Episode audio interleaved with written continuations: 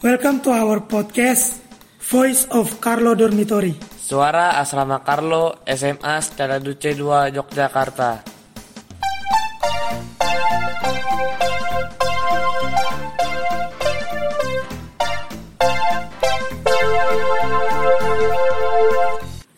Salam Tarakanita, satu hati, satu semangat, Tarakanita, yes! Salam jumpa kembali bersama saya Pak Beni dalam Voice of Carlo Dormitory, suara asrama Carlo SMA setelah 72 Yogyakarta. Nah, pada episode yang ke-10 ini kita akan masuk pada satu kebiasaan siswa asrama Carlo, yaitu one day one question. Satu hari satu pertanyaan. Nah, ini adalah sarana latihan bagi para siswa untuk membuat pertanyaan yang kritis tentang apa pun. Ya tujuannya bukan pada jawaban yang didapat, tetapi bagaimana cara bertanya.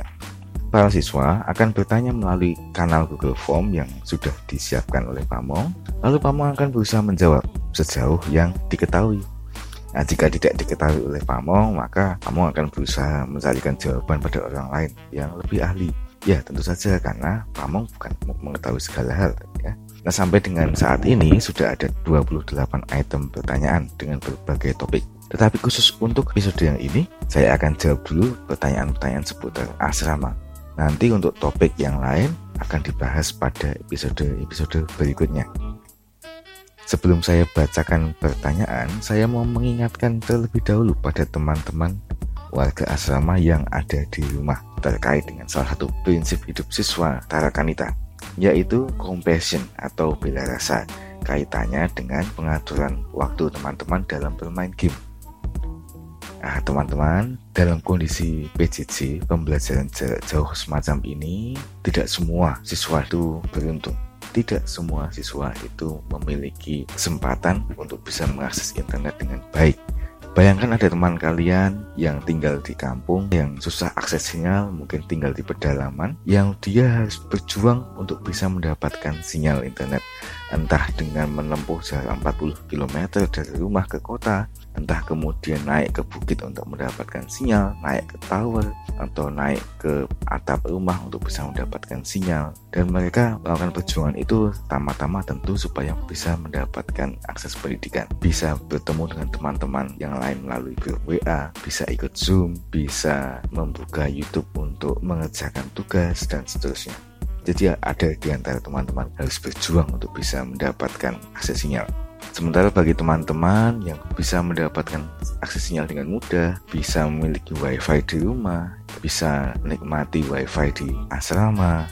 Ya. Nah, dalam kondisi-kondisi yang aman, yang kondisi yang cukup itu, maka mari kita menghargai solidaritas dengan teman-teman yang kesulitan akses internet.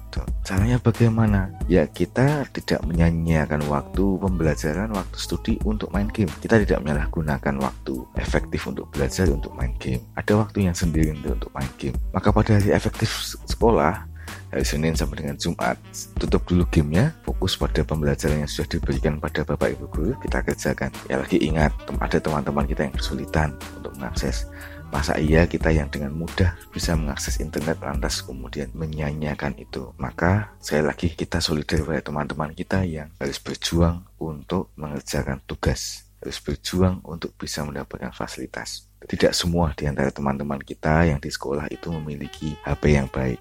Tidak semuanya memiliki laptop yang baik.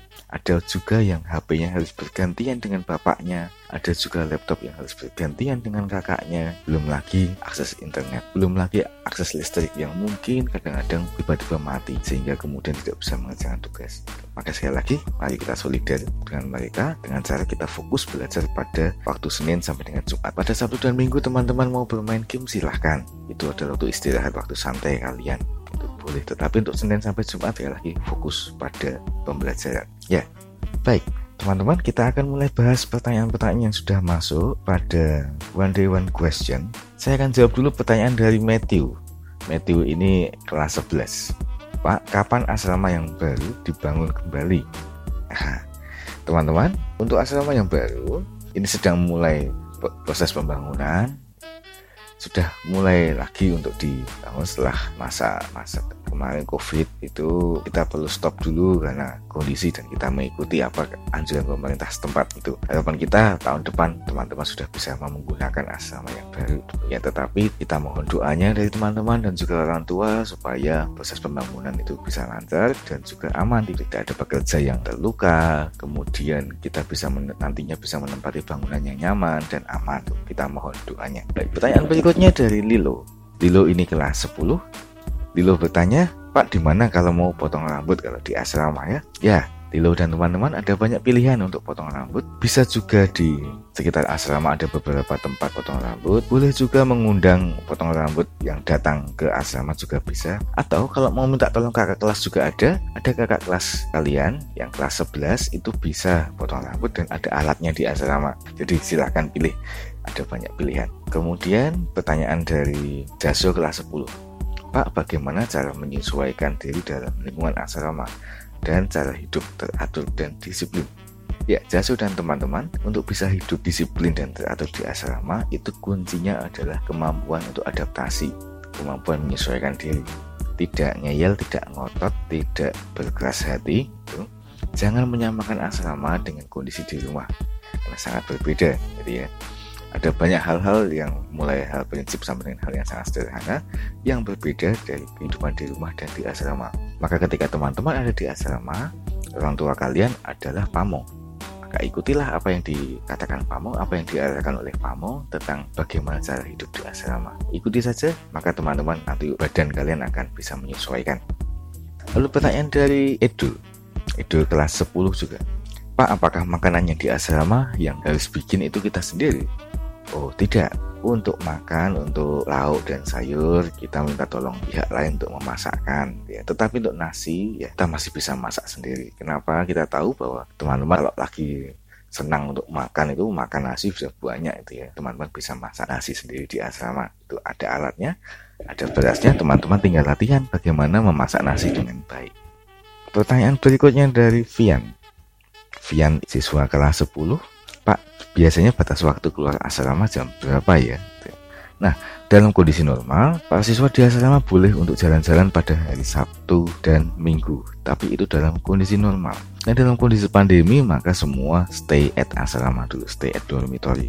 Semua tinggal di asrama, kecuali bila pada minggu kedua, karena itu adalah kesempatan bagi para siswa untuk bisa berkunjung kepada sanak keluarga di rumah yang ada di sekitar Jogja. Nah, kalau hari Sabtu Minggu pada kondisi normal, para siswa itu boleh berbelanja atau mungkin ada kegiatan di luar dari jam 10 sampai dengan jam 4 sore. Pada kondisi normal hari Sabtu, hari Minggu juga demikian. Lalu pertanyaan berikutnya dari Ino. Ino kelas 10 menanyakan begini, Pak apakah di asrama Carlo ada murid yang berkelahi? Ada yang pernah berkelahi? Ino dan teman-teman, di asrama Carlo ada aturan demikian. Siapa pun yang berkelahi secara fisik, maka konsekuensinya adalah diminta untuk mengundurkan diri. Kenapa? Karena kita tidak memberikan kesempatan, tidak ada tempat bagi mereka yang mau berkelahi di asrama. Itu. Tetapi namanya salah paham itu pasti ada. Cekcok pasti ada. Nah, cekcoknya ya sebatas sebagai kata-kata, mungkin kesal, mungkin kemudian ngambek itu itu biasa itu pasti ada. Tetapi untuk yang saling pukul satu sama lain itu tidak ada dan memang tidak boleh. Pertanyaan berikutnya dari saudara Mario Mario kelas 10 Pak di asrama satu kamar ada berapa orang? Nah ini pertanyaan sama dengan pertanyaan dari Ino juga. Ada berapa jumlah kamar dan kamar mandi di asrama? Ya uh, di asrama ada lima kamar. Ada Amadeus, ada Bonifacius, ada Clemens, ada Deodatus dan Eximius. Masing-masing kamar itu isinya 6 sampai dengan 8 siswa dengan model B tingkat ya. Kemudian untuk kamar mandi jumlahnya saat ini ada 12. Tuh. Maka kalau misalnya ada 30 sampai 35 siswa di asrama maka satu kamar mandi bisa dipakai untuk bertiga sama seperti di rumah kalian masing-masing. Mungkin satu kamar mandi dipakai bertiga atau berempat di rumah ya.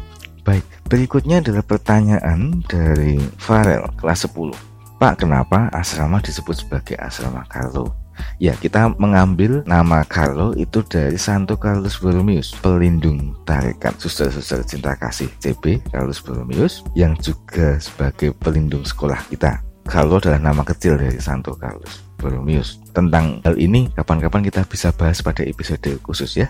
Pertanyaan dari Beril kelas 11 Beriawan Pak, kapan angkatan yang kedua di asrama Carlo mendapatkan masa karantina satu bulan di asrama? Untuk masa karantina untuk siswa yang datang itu satu bulan sejak kedatangannya itu. Nah, karena kedatangannya beda-beda ya maka nanti waktu karantinanya pun juga akan selesai beda-beda itu. Fungsinya karantina bukan lagi untuk sekadar HP disimpan atau mungkin HP tidak ketemu orang tua, bukan sekadar itu, tetapi juga fungsi kesehatan supaya teman-teman yang kemudian tinggal di asrama itu sungguh-sungguh sehat.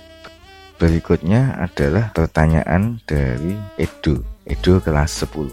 Pak, apakah boleh baju sekolah itu nanti di laundry terus baju di asrama tinggal kita yang mencuci oh boleh tuh untuk laundry boleh silahkan tuh di sekitar asrama juga ada beberapa tempat untuk laundry teman-teman bisa menitip pada tetangga juga ada. Tetapi kalau mau mencuci sendiri di asrama boleh dan itu baik. Ada tempatnya juga. Nah baiknya memang kalau untuk pakaian kaos atau celana yang milik sendiri yang dipakai di asrama ya cuci sendiri saja. Lebih baik. Kalau misalnya baju sekolah ingin dicucikan supaya tetap bersih dan tetap rapi boleh gitu ya. Lalu berikutnya pertanyaan dari Jaso. Apakah kita wajib tinggal di asrama Pak? Oh tidak, tidak wajib ya Karena asrama itu sifatnya fasilitas bagi siswa laki-laki di SMA Strategi 2 Yogyakarta itu sifatnya fasilitas maka sebuah pilihan bisa tinggal di asrama bisa juga tinggal bersama keluarga bisa tinggal di kos sesuai dengan arahan dari orang tua pilihan orang tua. Tetapi kalau sudah memilih di asrama dan sudah masuk di asrama ya sudah tetap stay di situ. Dan bukan berarti kemudian dengan enak bisa keluar masuk atau kemudian bisa sewaktu-waktu tinggal di kos oh tidak ya. Kita punya aturan di asrama. Itu. Berikutnya pertanyaan dari Galang. Pak, apa saja aturan di asrama? Wah banyak ya Galang ya. Banyak peraturan asrama itu ya. Bukan berarti banyak itu sama dengan menyulitkan Tetapi itu adalah cara kita supaya teman-teman nyaman di asrama. Semua penghuni asrama itu nyaman. Maka ada banyak hal yang diatur supaya kondisinya baik. Aturan itu mulai dari hal yang sangat sederhana Misalnya bagaimana cara mencuci gelas Sampai dengan hal yang sangat prinsip tentang bagaimana nilai-nilai hidup di asrama Itu semua ada. Itu Nanti kapan-kapan bisa kita bahas atau mungkin Galang bisa menyetel ulang untuk episode podcast yang disampaikan oleh Pak Dia seperti awal-awal tentang tata tertib. Gitu. Berikutnya adalah pertanyaan dari Lilo. Pak, apakah boleh kalau kita beli mie instan di minimarket di depan asrama tanpa harus minta titip pada pamong? Itu dengan tetap mengikuti self distancing apakah boleh?